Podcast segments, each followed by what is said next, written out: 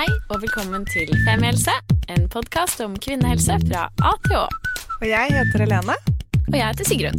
Og vi har startet denne podkasten fordi vi mener at det bør snakkes mye mer om kvinnehelse. Så la oss snakke. Hei og velkommen til en ny episode av Femihelse. I denne episoden så skal vi snakke om noe igjen som verken Sigrun eller jeg har opplevd. Og da kan vi nesten si litt takk Gud, fordi det høres så psyko vondt og slitsomt ut, nemlig brystbetennelse. Og brystbetennelse er jo noe eh, jeg i hvert fall har tenkt at man får når man ammer. Men vi har også hørt fra flere lyttere at det kan skje ellers også. Um, og med oss i dag til uh, å hjelpe oss til å svare på alle våre spørsmål, er Johanna Mariam. Velkommen. Tusen takk. Kan ikke dere gi en uh, rask introduksjon av dere selv? Ja, jeg heter Mariam Levander, er um, spesialist i bryst- og endokrinkirurgi. Johanna Maja Gundersen, også spesialist i bryst- og endokrinkirurgi. Jeg uh, jobber som overlege og medisinskfaglig ansvarlig på Ahus, og privat sammen med Mariam. Hvor jobber dere sammen privat? Eh, Volvat. På Volvat, ja. Ja. Vi har dere jo hatt dere på besøk her i studio før, for Mm. dere som har hørt det. Eh, hvor dere har snakket om pupper og brystkreft. To veldig fine episoder, og egentlig et veldig fint oppspill til denne episoden vi skal lage i dag. For da blir man jo litt sånn kjent med puppene. Ja, fordi det er jo ikke som at jeg ikke har hørt om brystbetennelse før, men i og med at jeg ikke har fått Eller vi har jo ikke fått barn, og jeg har ikke fått barn, øh, og opplevd det. Jeg eller ammet, da. Men jeg husker så det var en av de Det du sa, Johanna, i siste episode om bryst, brystkreften, hvor du sa at du opplevde også å få besøk av eh, kvinner med brystbetennelse som var så utrolig fortvila. Og det tenkte jeg sånn Oi, ja, det skjønner jeg jo. At hele den settingen, ikke sant. Man har et bitte lite barn, en baby, og skal amme og kanskje hadde gledet seg til det og få det til, og så, og så bare kommer den brystbetennelsen så innmari i veien, da. Det er jo aldri så mange tårer som felles som akkurat ved, når, når vi har en pasient med brystbetennelse. Nei. Er det Begynner rett på sak, jeg. Hva er det for noe? Ja. Kanskje dere kan begynne med å si litt om det? Mm. Altså betennelse. Betennelse er jo generelt, og betennelse i huden er jo eh, at huden, at kroppen reagerer på stimuli, f.eks. bakterier, f.eks. smerte, med at eh, blodet strømmer til. Um, vevet hovner opp, blir rødt, smertefullt. Det kommer kanskje væske til. Det hovner opp og er rødt. Det er betennelse. Og på lik linje er det med brystbetennelse. Og så er det da eh, forskjellige mekanismer for brystbetennelse. OK, hva mener du med det? Det er eh, Nå snakker vi om Vi må dele dette i to. Vi, snak, vi her skal vi konsentrere oss, tror jeg, om den betennelsen som eh, oppstår når man ammer. Ja. Ikke sant? Og det er jo også forskjellige stadier av det. Først eh, så er det da helt vanlig å få melkespreng. Som Eh, er Melkespreng, ikke sant. Det er når man har for mye melk, spesielt de første ukene, når, når melken begynner å dannes etter en fødsel. Og så har man da mye melk. Eh, babyen er eh, kanskje litt eh, liten og klarer ikke å suge ut den melken, sånn at man får melkestase. Hva betyr det? Jo, at du har dårligere venedrenasje og lymfedrenasje fra brystet, og brystet hovner opp, og eh, gir dette gir utslag i smerter. Akkurat på lik linje som man har en for, en for stram sokk, f.eks. Og foten vil da hovne opp fordi venene klemmes, og man vil ikke få drenasje mot hjertet. På samme måte så, så stopper den melken drenasje fra brystet med Altså, vener og lymfe. Så melken er- fyller opp, på en måte? Yes. Ja, Så vener er blodårer. Vener er blodårer. Det- Vener er disse blodårene som fører eh, blodet tilbake til hjertet. Det er første stadium. Det er melkespreng, det er på begge sider, og det er bare første stadium. Når da man begynner å ikke klare å tømme melken, og får eh, melke Nå må du hjelpe meg, hva heter det? Melke... Eh, altså melken ikke blir tømt. Man, melkeretensjon heter det på fagspråk, men jeg vil bare være litt mer folkelig akkurat nå. Så får jeg det ikke helt til. Ja, men det går greit. OK, så du får ikke tømt melken? Får ikke tømt melken. Og så har du da stagnasjon, heter det. OK. Melkestagnasjon. Eh, og da kan det gå over i sterke smerter. Det kan, eh, gå, altså det kan være en port for bakterier, ikke sant. Eh, og da får vi da gjennom de forskjellige stadiene fra melkespreng til en ordentlig brystbetennelse med, som er bakterie, bakteriell, der bakterier kommer seg inn gjennom 20 utførselsganger i brystvorten. Hvorfor, altså hvordan ammer vi? Jo, det er 20 åpninger i brystvorten. Og når da eh, den, den, stagnerte melken som man ikke har fått uh, tømt ut, er det grobunn for bakterier. Da kan de komme seg inn fra huden og lage ordentlig betennelse med høy feber og ja, det som så, følger med. Så da er det melk som blir liggende i puppen yes. altså over lang tid, og ja. derfor blir det liksom økt forekomst av bakterier? Grobunn, ja, for ja. bakterier. For Som Johanna sa, så blir det jo når den melken ikke klarer å komme ut, da, at man ikke klarer å tømme brystet ordentlig hver gang man legger til barnet, til eh, puppen, så blir det på en måte at melka surner litt inni, mm. inni melkegangene. At det kan bli en kjempereaksjon. Og så, kan jo de, så er det jo noen babyer som eh, ikke akkurat biter, kanskje, da de har ikke så mye tenner. Men det er jo fort ut å få rifter og sår på brystvorten også, som øker faren for at det kan komme bakterier inn den veien, ikke sant. Man blir veldig sår på brystvortene når man ikke er vant til å amme. Så blir alle litt sånn såre i starten. Og det kan jo blø fra brystvorten og sånn også. Da kan bakterier lettere komme inn, da. Høres ut som en drøm. Uff, men dette var noe annet enn jeg hadde trodd faktisk. Ja, hva hadde du trodd? Nei, bare ok, vi har om Vi har snakket ganske mye om brystbetennelse i det siste, mm. tro det eller ei.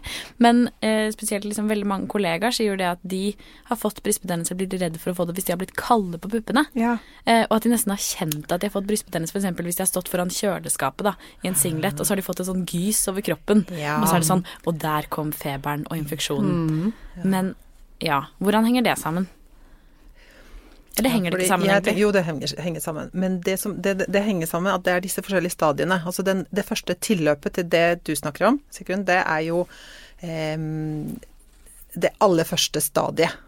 Der du får Altså, hva er det kulde fører til? Jo, at blodkarene, da, disse venene og blodårene, eh, trekker seg sammen. Når de trekker seg sammen, så vil du heller ikke ha kontinuerlig drenasje og tilførsel av hvite blodlegemer til brystet, som kan igjen vaske ut betennelsen. Nå snakker jeg veldig folkelig. Ja. Men jo eh, mer blodperfusjon i brystet, altså flow i mm. brystet, jo renere blir brystet.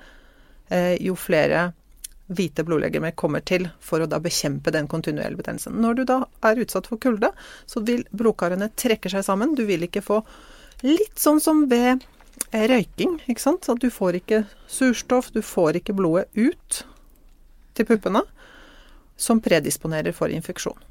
Det du snakker om nå, det er den der første, første stadiet i betennelsen, der eh, det er veldig lett å gå inn i dusjen, varme opp brystet, eh, massere litt, tømme brystet, og så går det tilbake. Vi snakker ikke om en bakteriell betennelse. Så man skal ikke være redd for å åpne kjøleskap, f.eks.? Nei. Nei. Nei. Men jeg, men jeg, jeg, Ikke vær redd for det. Ikke av de grunnene. Men ikke, ja, bare, det, ja. bare bestille fra Fodora. ja, det er puppene, skjønner jeg. Må passe på det. Men, men, så det, men eh, fordi dette er jeg enig i, Sigrun, at der, eh, det er det jeg også har hørt fra folk. ikke sant? De går med ullinnlegg, de går med ull-bh-er, de går med ullsinglet og ulltopp og ullgenser. Til tross for at det er sommer, bare livredd for å bli litt kald på puppene, da. Og, og, for det er fordi at kan det være litt sånn som jeg hadde det da jeg var liten, hadde urinveisinfeksjon, mye. Så kunne jeg sitte på en kald sten i fem minutter, og så begynte det å svi når jeg tisset. Altså sånn, det var akkurat som at uh, tissen min husket kulden, og bare reagerte spontant med symptomene. Ja, litt sånn. Og ja. så tror jeg eh, noen er eh, kanskje litt At man trenger ikke alltid være så redd for det uh, unødvendig. Men noen har jo selvfølgelig kjempedårlige erfaringer med at når brystene har blitt kalde, så har man fått en sånn lett uh, inflammasjon, da, eller en betennelse.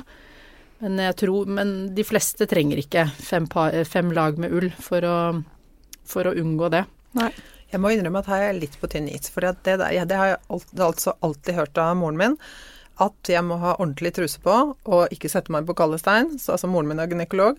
Eh, fordi da får jeg urinveisinfeksjon, og så som følge ikke kommer til å få barn, og ja mm, eh, Skremselspropaganda.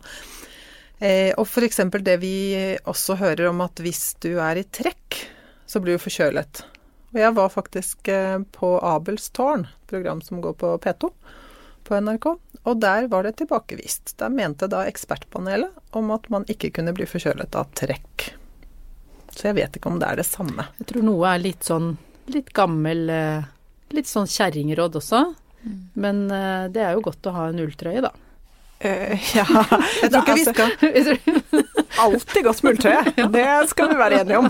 Og jeg tror, jeg tror ikke vi skal forstyrre markedet for disse ammeinnleggene. Og de ammeinnleggene også, de er jo ofte med sånn litt sånn ullvattering også, så det er jo Nei, jeg tror vi lar det ja. Det kan stå ja. der. Mm. Ja, men så tenker jeg også sånn som eh, For vi har diskutert dette som sagt mye i det siste, og det var det en kollega som sa at hun øh, yngste datteren er vel halvannet år nå, og så hadde hun stått ute på en parkeringsplass, og så hadde hun fått bare sånn her vindkast på seg med iskald vind, og så hadde det truffet liksom på puppene på en eller annen måte. Og så det, det, det, Hun ammer jo ikke nå, det var ikke noe som skjedde nå, men hun bare fikk den, den følelsen av brystbetennelse. At hun fikk Altså, hun, hun, husket hvor vondt det gjorde at hun fikk frysninger på hele kroppen. Mm. Mm. Så Eh, litt den, eh, Det vi snakket om med Tina Telle med endometriose, er at også når kroppen har opplevd en veldig sånn smerte smerte. At den husker det. Så den kan også kanskje huske litt den der starten av smerten. Mm, fantomsmerte. Eller ting ja. man forbinder med det, kanskje. Ja, så mm. selv om det er eh, at man kan få eh, inflammasjon og det av å være kald, så kan det også være den frykten for å bli kald og flykten mm. for at det kan bli en brystbetennelse. Skanne til smerte, ikke ja, minst. Absolutt. Ja. Mm. Det kan det, men jeg tenker også på at uh, ja, hva er det jeg tenkte på? Nei, det er ikke annet enn referert smerte. Jo, jo, at siste gang så sa jeg også det at smerte i brystet for, føles som iling eller stikking. Det, ja. det er det, det, Vi opplever det som iling eller stikking. Mm. Eh, så det kan hende at det bare er smerte man, man, kjenner. Men det Jeg må bare skyte inn noe her, fordi at nå snakker vi om kulde. Og noen veldig få eh, ammene har noe som heter Renauds fenomen. Og da jeg vet ikke om dere har uh, Aldri hørt om det? Eh, jo, jeg fikk høre om det for to-tre dager siden. For da var jeg ute på byen, som jeg aldri er, men jeg var det da. Tok en øl. Da kom det en til meg og sa kan dere snakke om Renauds fenomen? Jeg hadde det. Ja. Og så sa jeg OK, jeg vet ikke om det er en Vi skal gjøre det når vi begynner å gå litt tom for temaer, men dette er jo perfekt. Og vet du hva det verste er? Det ja. verste er at jeg også hadde Renauds fenomen uten å vite om det. Hva er det for Jeg som sitter her som ekspert. Ja det er at blodkarene Igjen tilbake til det med at blodkarene trekker seg sammen når man opplever det som, som iling. Og så kan man få lettere sår, og brystvortene blir hvite mm. og eh, smertefulle ved amming. Med en gang man da åpner opp, og kulde Altså dette skjer ved kulde. Når blodkarene trekker seg sammen, som sagt. Mekanismen er jo fordi man ikke vil ha varmetap, ikke sant. Derfor så vil ved kulde eh, blodkarene trekke seg sammen og ikke avgi varme. Mm. Og det er den samme mekanismen. Eh, vanskelig å behandle, men smertestillende. Varme, varme omslag, og eventuelt en medisin kan gis. Hun jeg møtte på byen, da, eh, veldig kul dame, hun sa at hun eh, Det er som at brystvortene dine er likfingre. Uh, så du vet mm. liksom når du får helt sånn hvite hender, ja. og de er iskalde, og du ikke får liv i dem igjen, bare på brystvortene. Og du kan på en måte ikke shake på brystvortene på samme måte. Så veldig, veldig ubehagelig og veldig smertefullt, og ikke så mye kunnskap om. Helt riktig. Ja. Da er det veldig fint at vi snakker om det, da. Ja. ja. Det var egentlig bare det vi hadde å si om ja. det. Men, men det går, ja, men det går an å få, som sagt, et medikament. Okay. Eh, men det første man gjør, det er smertestillende og varme. At man skal fort varme opp brystene sine. Enten, i, enten med varmeomslag eller i dusjen, rett og slett. Og så hva får man Husker du hva medikamentet heter? Um, vet du hva, hvis du gir meg to sekunder, så har jeg ja. det. Ja, det slår, jeg Men når man først har fått uh, brystbetennelse, da. Altså for de aller fleste så er det jo sånn at man kan håndtere det på egen hånd. Mm. Kanskje med litt sånn veiledning av eh, en kyndig jordmor eller ammeekspert eller en tante eller en mor eller noen som har vært i samme situasjon. Men da er det jo liksom når man er i det stadiet at man ikke har høy feber og ikke høye infeksjonsprøver, men det gjør bare innmari, innmari vondt, og brystet bare er liksom helt forferdelig grusomt så er det jo om å gjøre å få tømt brystet. Ikke sant? Melka må ut, så ikke den bare liksom fortsetter å ligge der og surne på en måte. Eh, og da er det jo å stå i dusjen, selvfølgelig, bruke hånddusjen. Eh, prøve å massere eh, under varmt vann, eh, klemme ut. Men hvis man har høy feber og blir skikkelig dårlig, og de med eh, brystbetennelse, de kan jo bli knall dårlige på veldig kort tid. Da må man eh, ofte få antibiotika, og av og til så danner det seg også sånne små pusslommer inne i brystet. Da må man få det tappet. Og før, for ikke Egentlig ikke i gamle dager, fordi det er ikke så Det var fortsatt i min karriere, og jeg er ikke så, ikke så gammel. men, men, for en, en, del år siden så åpnet man alltid da med kniv. og lagde liksom en åpning i brystet for å tømme det ut. Nå er det heldigvis ikke sånn det er. Man går til en røntgenlege som ser med ultralyd, og han, en, han eller hun stikker en, en, nål inn og får tømt det sånn, da. Så må man kanskje til pers flere ganger før det blir helt bra, sammen med antibiotika. Og for, de, og for noen veldig, veldig få så må man eh, få et, altså et snitt i huden også. Mm. Så det er rett og slett behandlingsmetoden? Det er behandlingen. Mm. Men noe jeg lurer på da, nå som vi snakker veldig mye om det. Eh, kan alle få dette her? Det er liksom noen som er spesielt utsatt? Egentlig så kan alle, alle få det, men så er det noen som øh, noen som kanskje har vanskeligheter med å amme, f.eks. At øh, de har en øh, litt inntrukket brystvorte, eller de liksom har vanskeligere å, å få tømt det brystet. da, At babyen tar kanskje ikke så mye i det ene brystet. Så er det vanskeligere å få tømt det, og de er litt mer predisponerte, som vi sier. Mm. Så det som gjelder, er rett og slett å få tømt mest mulig melk? Tømt brystet, og selv når man har brystbetennelse, så må man ikke slutte å amme på det brystet, men legge til heller barnet da litt oftere på det brystet det gjelder. Selv om man også står på antibiotika, så må man få det passende antibiotika, sånn at, uh, at det ikke er farlig for barnet.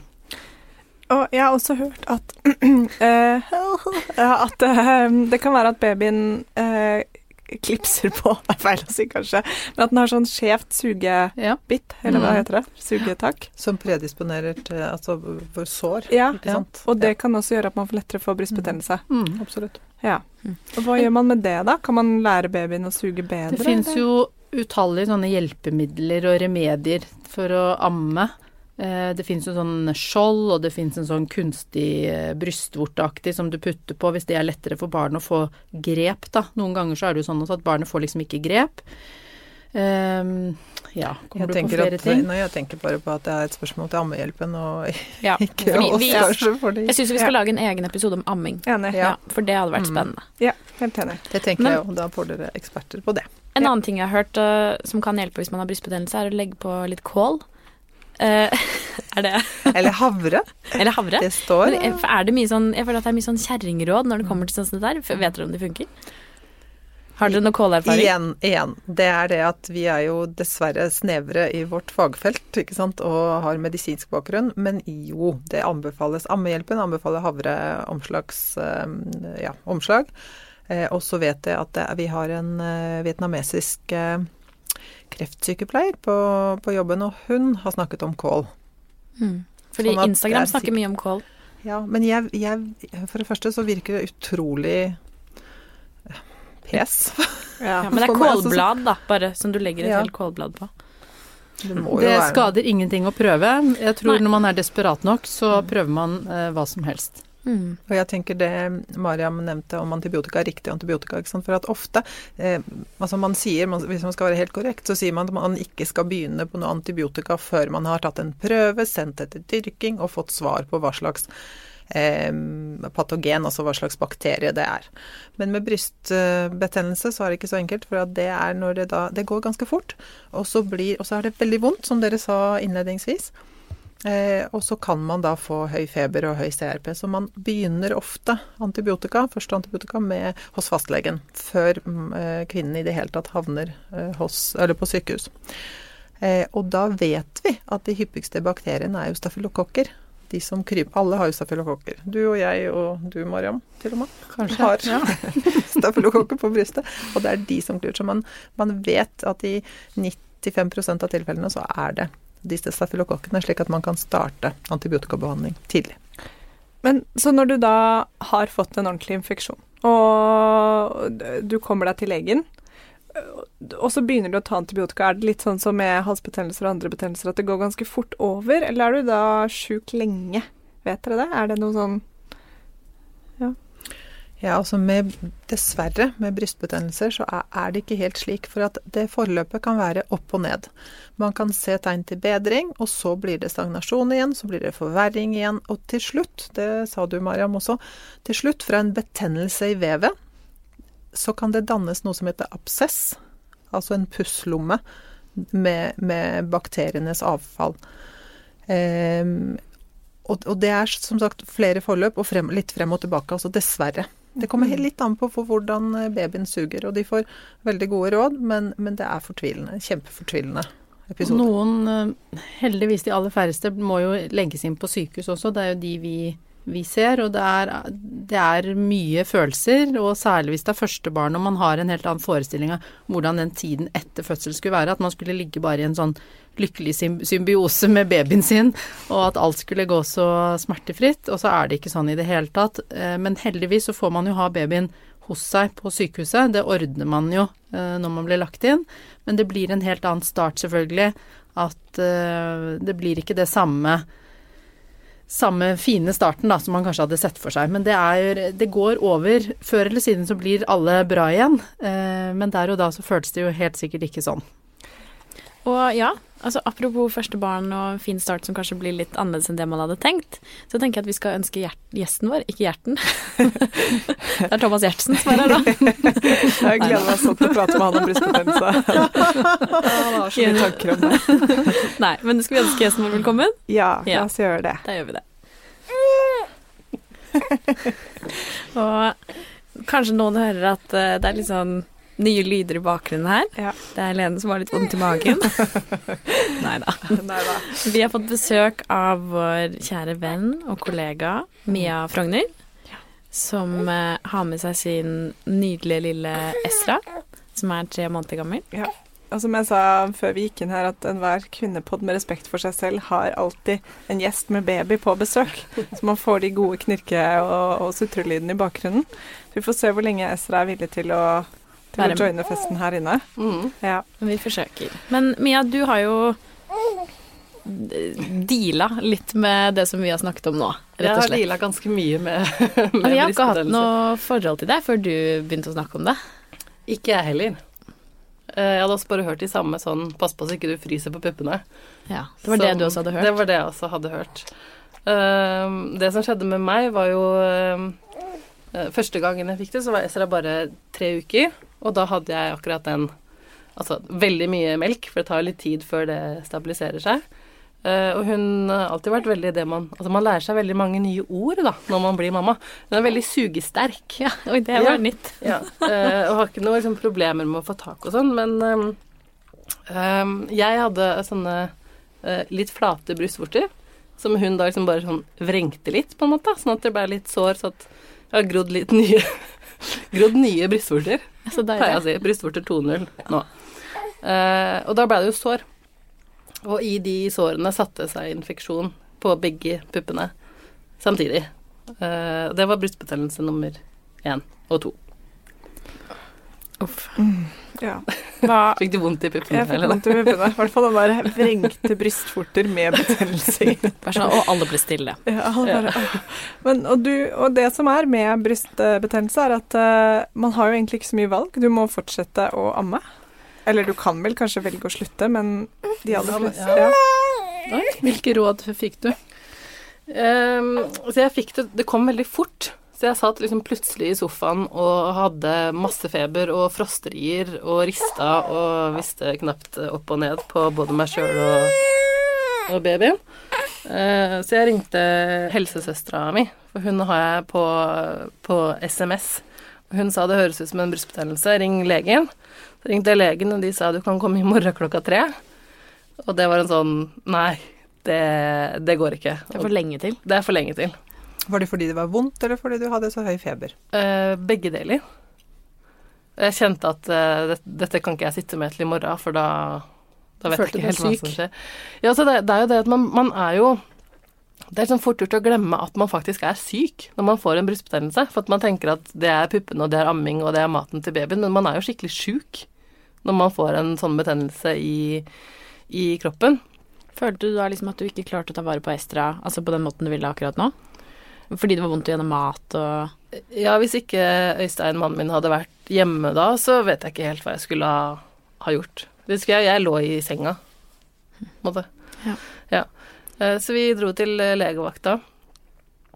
Eh, og når man sitter på legevakta en, en søndag kveld og ammer en tre uker gammel baby med åpne sår på puppene og brystbetennelse i begge to, så tenker man ok, men etter det her så kan jeg få til hva faen som helst. det er en, det er en uh, bånd. Altså hvis ikke føding var nok, tenker jeg. For det er jo ingen stor kamp, det heller, nei.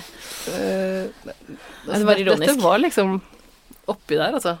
Er det sant? Ja, sånn Kanskje ikke nødvendigvis Det er jo ikke samme type smerte, men i den Den fortvilelsen som er i brystbetennelsen, har man jo ikke i fødsel. Så det er, det er jo to helt forskjellige ting, men det er like jævlig begge deler. Smerte måles fra én til ti. Ja, Hva var det? Det, det var eh, Jeg vil si en åtte, altså. Sikkert bikka ti dagen etterpå. Det er helt umulig å se for seg. Ja, altså, Det er veldig vanskelig å forklare også, men du sa at det føles ut som at det iler eller stikker. Og det, det føles ut som noen stikker kniver Ja. inn i puppene dine hele tiden. Er det vondt bare når man ammer, eller ellers også? Nei, det er vondt hele tiden.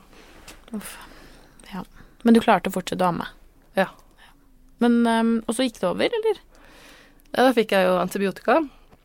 Og det føltes også som en litt sånn um, um, Jeg hadde lest uh, det skrivet fra Nasjonalt uh, hva heter det for noe? kompetansesenter for amming. uh, hvor de skriver til leger hva, man, hva slags medisin man bør gi og sånn.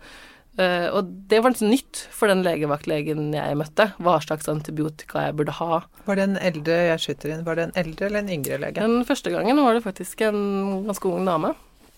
Så jeg ble helt overraska sjøl. Og fant ut uh, seinere at jeg hadde fått altfor lav dose antibiotika. Så den, den første betennelsen, det er min teori, da blussa opp igjen to uker etter at jeg var ferdig med antibiotikaen. Den slapp liksom ikke helt taket den første, første runden. Kan jeg høre, eller spørre deg hva, hva slags Husker du navnet på antibiotika? Dalasin. Ja, og da fikk du egentlig en ganske heftig, fordi det er en annen type Mm. eh, som bør brukes først. Mm. Eh, som er vanligere mot stafylokokker. Mm. Eh, med mindre du har penicillinallergi. Jeg har det. Ja, men da var det helt riktig. Ja. Den legevaktlegen, hvis du hører på, Ja. så var det helt riktig. Ja, da kom jeg med dette skrivet i hånda, da. Men da fikk jeg en dose på eh, det, 150 fire ganger i døgnet, mens den anbefalte dosen er jo 600 fire ganger i døgnet. Fra, på det skrivet, da, i hvert fall. Ja. Så det virker som det er, altså det er litt sånn usikkerhet rundt hvordan man egentlig skal jeg tenker, medisinere det. jeg tenker at man gjør en vurdering ut ifra alvorlighetsgrad Mm. eh, når man ser pasienten an. Og da tar man gjerne både temperatur, og så måler feber, og CRP, en infeksjonsprøve. Ja, det ble, det ble gjort. Den var ganske høy. Jeg Husker ikke hvor høy den var, men den Ja, da eh, Ja. Det var, det var runde én og to. Ja. Og runde tre kom Da var Ezra åtte uker, og hun ble syk og ble lagt inn på Ahus. Og spiste nesten ikke. Så da skjedde det andre, at jeg ikke fikk eh, tømt. ja. Mm. Uh, ja.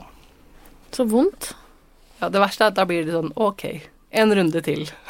Fikk du det da annet. på begge brystene? Nei, da fikk jeg det i det ene. Var det verre eller like vondt som den første gangen, eller? Nei, det var mindre vondt. Sikkert fordi at sårene hadde grodd, da. Sånn at det var ikke det i, i tillegg. Det var sikkert noe av den, eh, de bakteriene som hadde vært der før, som overlevde. Mm. Som fortsatt Nå hadde jeg tre døgn hvor hun spiste veldig mye mindre, og jeg ikke klarte å tømme på sykehuset da, før vi var lagt inn. Eh, så det kan hende at jeg hadde klart å unngå den siste hvis jeg hadde pumpa eh, fortløpende.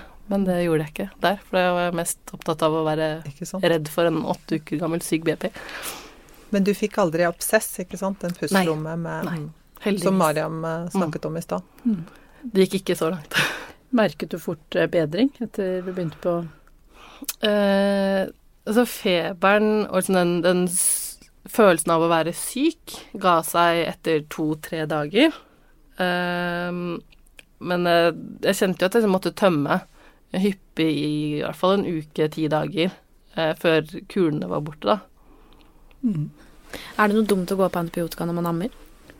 Ikke hvis du tar det riktige antibiotika, så kan man jo amme likevel. Men noen ganger så kan man kanskje babyen få en annen Føle at den sma melka smaker litt annerledes. Jeg vet ikke om du merket noe til det? Nei, faktisk ikke. Hun har stor appetitt, så hun er bare Hun var kanskje lei, hun var glad i litt variasjon i, i matveien. Ja.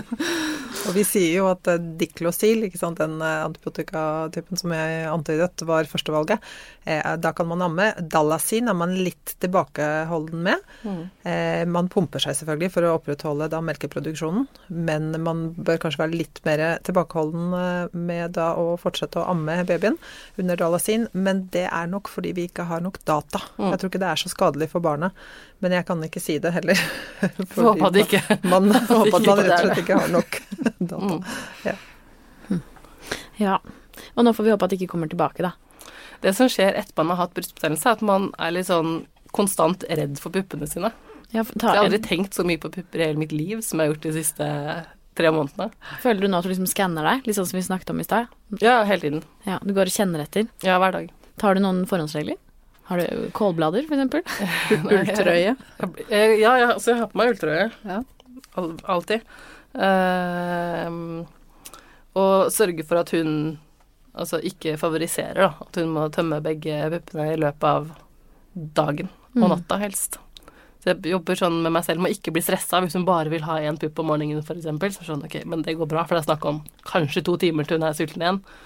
Eh, men det, man må liksom Ja man har veldig lyst til å bare stappe puppen inn i kjeften på ungen. For sånn, spis nå, spis nå, så ikke blir meg. Ja, spis. Men hun spiser jo ikke hvis ikke hun er sulten. Så eh, funker jo ikke det heller. Nei. Skal vi komme med litt generelle råd? Ja. Fordi jeg føler at vi har snakket om mye. Men hvis det er noen der ute nå som skal få en baby og har blitt skremt av dette her Ja, det får vi ikke håpe. Det får vi ikke håpe. Fordi Jeg tror vel jeg har hatt en litt sånn uh, worst case-bunke. Uh, men så tenker jeg også med, det er fint Med sårene og brystbetennelse samtidig. Jeg tenker også at det er litt fint å være realistisk på hvordan den etterfødseltiden kan være for noen. Ja. Og at det ikke bare er kanskje lett for alle, spesielt dette med ammingen som kan være utfordrende på mange områder. Men ja, som sagt, amming skal vi snakke mer om senere. Men uh, veldig gjerne noen generelle råd, Johanna. Fordi det du forteller meg, ikke sant, det er jo da en uh, melkespreng, eller lett brystbetennelse, som da fort gikk over til en antibiotikatrengende ja, for det er jo veldig vanlig de første ukene at man, man har jo liksom Brystspreng, det var det ja. vi snakket om. ja. Mm. Og så lenge man ikke har feber, så kan man da fortsette å amme. Bli hjemme så lenge dette er på begge sider. Kommer tidlig i forløpet. Eh, og ikke feber og ikke en generell sykdomsfølelse, så trenger man ikke gå til legen. Da kan man gå i dusjen, varme, varme og eh, amme, fortsette å amme, og se om det går over. Massere eventuelt. Hvis man derimot får feber og generell sykdomsfølelse, så bør man oppsøke lege. Og um, igjen, får man lett feber, ja, da snakker jeg om under 38, 38,5, da kan man fortsatt vente til dagen etter og dempe smertene med, la oss si, Paracet. Ikke sant? Og eh, Insights, altså Ibux-type. Og da kan man vente, for at du snakket om sant, at dette orket du ikke gå med til dagen etter. Det, men man kan eh, bruke smertestillende, mm. eh, og heller eh, oppsøke lege dagen etter. Men får man høy feber, over 38,5, og føler seg influensasyk, så bør man dra på legevakten. Så det er stadier i dette her mm. også. For, for min del så kom det så fort. Jeg hadde ikke de der dagene med at jeg følte meg litt sånn dårlig. Det var som, Jeg følte meg fin på morgenen, og klokka tolv så satt jeg og rista i sofaen med 40 i feber, på en måte. Mm. Uh, og da følte du deg dårlig, så det var jo helt uh, ja. Da er det som Jonna sier, da er det legevakten mm. som, som, gjelder. Mm. Da var det veldig riktig call. Ja. Mm. Så bra. Um, tusen takk, Mia, for at du deler. Uh, takk for at jeg fikk komme. Jeg må få lov til å si at man da jeg, det her sto på for min egen del, så ble jeg veldig sint på alle som sa det går over. Uh, men, det, men, det, gjør jo det. det går over. Uh, jeg hadde liksom Det er en natt som står igjen som en sånn Jeg satt og hylgrein på den her ungen og ropte 'jeg hater å amme, jeg hater å amme' klokka tre på natta. Uh, og nå kan jeg faktisk, nå koser jeg meg med det. Nå er det liksom bare en del av hverdagen med baby. Så det men, går faktisk over med noen gjør det uten å ha brystbetennelse. ja, det virker som det kan være ganske tøft å ha baby innimellom. Litt uansett. Ja, men det er ting og tang. Ja. Ja, og takk til Estra. Nå har vi faktisk sendt uh, Helene ut på gangen. Hun, uh, vi var alle i studio veldig villige til å gå ut med henne da hun begynte å knirke veldig høylytt, men Helene vant. Helene var raskest på beina. så vi kan hende at vi skal bytte dere ut igjen, så du kan komme tilbake til Estra. Mm -hmm. uh, og så har vi noen siste spørsmål til Mariam og Johanna før vi skal runde av. Men skikkelig fint at du har lyst, eller hadde lyst til å komme og fortelle. Vi tror det er veldig fint å få sånn ekte historier på, på det vi snakker om. Så, er viktig å snakke om det. Ja. Jeg hadde ikke hørt om dette på forhånd. Nei, ikke vi heller, før du fikk det. Takk for meg. Takk for deg. Og da kan vi ønske Helene tilbake i studio. Tusen takk. Bare, være, bare vente til eggstokkene mine slutter å rasle, ja. Eh, så kan vi sette i gang igjen. Bare si fra, du. ja, nei da. Det, det, går, det, roer seg det nå. Og ser at hun gråter litt der ute. Da, Bråker litt fortsatt, syns jeg. ja, det er en veldig sånn klassisk rasling i rommet her. Jente 33 får kos med baby. Sånn var det. Ja, så fint. Jeg hørte jo praten med Mia her ute eh, i studio. Um, og det oppsummerer jo, syns jeg også veldig godt, eh, hvordan det oppleves, da. Eh, eller eh, ja, hennes opplevelse ja. av det. Men så har vi jo noen få spørsmål til. Eh, for det er noen, noen, ting vi ikke har vært innom som er eh, kanskje liksom enda litt, på en måte litt dystrere. Men, men, det er jo også en, en Det med kreft og brystbetennelse. Um, hva, hvordan kan det henge sammen, eller kan det henge sammen? Det er jo noen som eh, også Altså som når de ammer, og så tror de at det er brystbetennelse. De har de samme symptomene at det er rødt, det er hardt, det er vondt. Eh, men så går ikke den kulen bort. du får ikke massert den bort.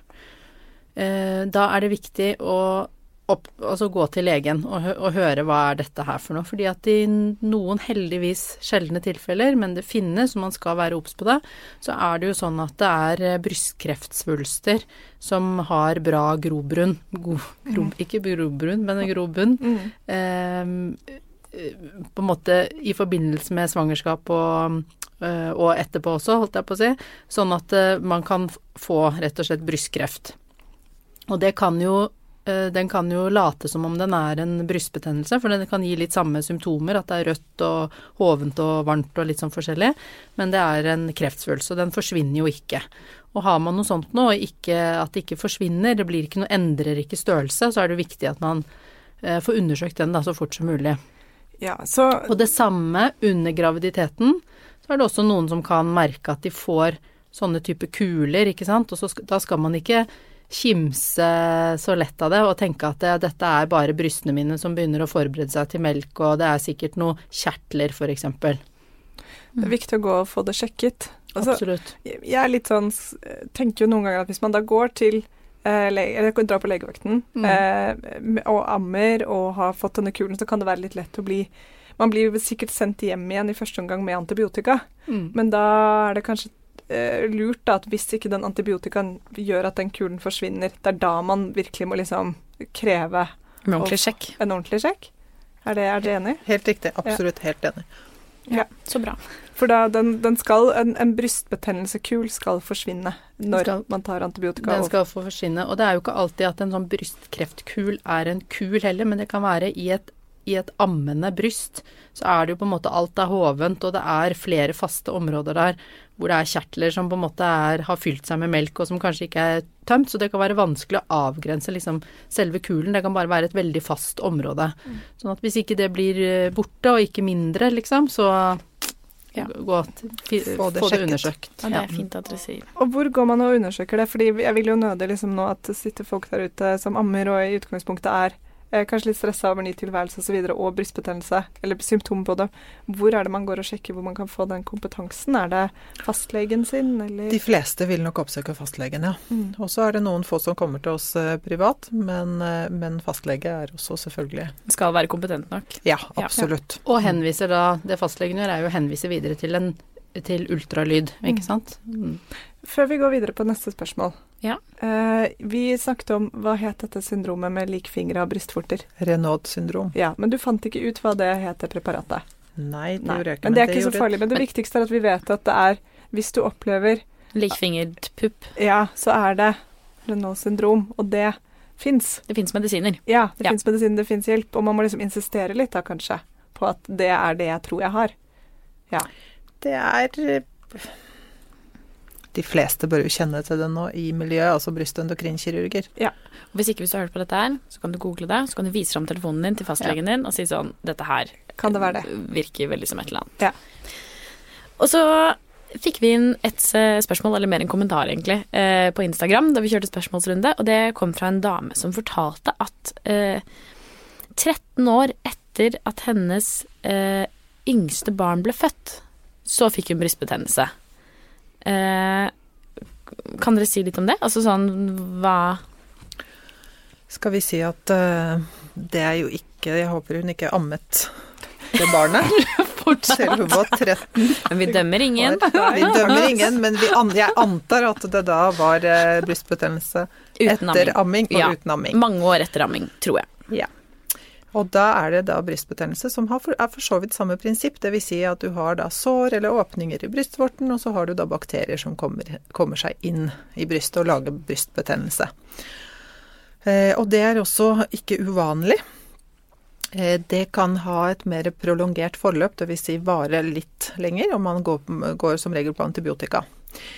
Eh, Det som er litt eh, annerledes, er at man må da være litt mer var med tanke på brystkreft. At man eh, ved en brystbetennelse eh, som ikke er forbundet med amming, bør man gå eh, og få det sjekket med mammografi. Kontakte legen og da bli henvist til mammografi. Det er egentlig hovedbudskapet her. Ja. Me mekanismene er altså det som predisponerer eh, eldre kvinner, eller kvinner som ikke ammer, eh, for brystbetennelse, er overvekt, røyking. Det er Ja. de to. Dårligere sirkulasjon, da. Dårlig, helt riktig. Herlig. Nå begynner vi å lære ting. Ja. Jeg syns Helene vi skal få et sånn scorebar her for hver gang vi sier noe som er riktig. For Ja. det har vi ikke sagt så ofte før. Veldig stramme treningstiår. Kan det også Ja. Men nå er det tredje gang vi ses, så nå begynner du. Bør ha lært noe nå. ja. Men uh, tredje, men forhåpentligvis ikke siste. Ja. For nå har vi på en måte Vi er litt gjennom brystbetennelse nå, føler vi ikke det? Ja. Skal vi prøve å oppsummere litt? Ja. Det Eh, fins egentlig én type, men den har litt forskjellige stadier. Eller det fins to typer, da. Men i hvert fall den typen som kommer med amming, eh, begynner som regel med at man ikke får tømt puppene helt. Helt i begynnelsen, når man, eh, barnet er helt splitter nytt, så produserer man jo ofte ganske mye melk, og da kan man få brystspreng. Og da kan det bli litt dårlig sirkulasjon. Som igjen eh, da kan føre til at det blir en ansamling av melk, eh, som blir en grobunn for bakterier som eventuelt da kan komme inn gjennom sår, eh, eller egentlig bare liksom gjennom brystvorten. Mm. Stemmer det? Ja. ja. Og da kan det føre til eh, en betennelse. Og hvis du kjenner at du har vondt, men ikke får feber, ehm, så kan du i utgangspunktet liksom fortsette å amme og bli hjemme, men egentlig med en gang du får ganske mye feber og kjenner deg litt sånn influensasyk, så bør du kontakte en lege. Ja, og det man da gjør, er at man får en antibiotikakur. Ehm, eventuelt så kan det hende at man må tømme uh, puppen for Eller ikke puppen, da, men ja, med en nål. Liksom, ja, væske drenerer, rett og slett. I og i verste verste, fall. verste fall de lage et snitt. Men det er ikke så ofte man gjør det lenger. Mm. Ja, og så kan det hende at man også får en brystbetennelse selv om man ikke ammer. Eh, egentlig av samme grunner, eller at det blir en bakterieinfeksjon. Eh, og da bør man egentlig gå til legen ganske med en gang. Ja. Og også da være litt obs på at det kan være eh, Kan altså følge litt med på kreft. Og, og spørre om det. Ja. Um, og så sa eh, dere jo egentlig i sted utenfor når vi ikke hadde på mikrofonene, men det vil jeg vi også poengtere at det er ca. 15% av de som ammer, som kommer inn med eh, som får brystbetennelse. Eller kontakter helsepersonell pga. mastitta eller brystbetennelse. Ok, Så det er nok ganske mange flere som får det, enn de som Mm. Og som håndterer det hjemme. Ja, med å dusje og massere og, og Ja. bare liksom at det går over av seg selv. Ja. ja. Ok. Så ikke alle får det, men ganske mange. Mm. Mm. Så bra. Så fint. Fikk vi med alt i oppsummeringen da, eller er det noe Ja, dere vil legge til? Ja, verdens beste elever. Altså to elevrådsledere som sitter her nå. Elevrådsleder for life. Ja. Tusen takk for at dere kommer hit og er så flinke og tålmodige med oss, og veldig gode til å snakke folkelig. Ja. Eh, mange poeng fra oss på akkurat det. Mm. Eh, så håper vi at du som hørte på, ja, enten nå vet hva brystbetennelse er, eller hvis du har det, kanskje kjenner på litt ro om at du i hvert fall ikke er alene, og som Mia så fint sa, det går over. Det går over. Ja. Takk skal dere ha. Tusen takk. Ha det Tusen bra. takk. Takk, Ha det takk bra. for Ha det. Ha det. Ha det. Tusen takk for at du hørte på podkasten vår. Selv om det forhåpentligvis kommer tydelig frem, så vil vi understreke at vi ikke er helsepersonell. Ja, så som vanlig, kontakt legen din om du har noen spørsmål, eller om du skal begynne på noen form for behandling. Og har du et tema som du har lyst til at vi skal snakke om, eller noe ris eller ros, så send oss gjerne en melding på Facebook eller på Instagram. Der finner du oss under Femihelse. Mm. Og du kan gjerne rate oss på iTunes, det er skikkelig hyggelig for oss. Ha en fin dag. Ha en kjempefin dag.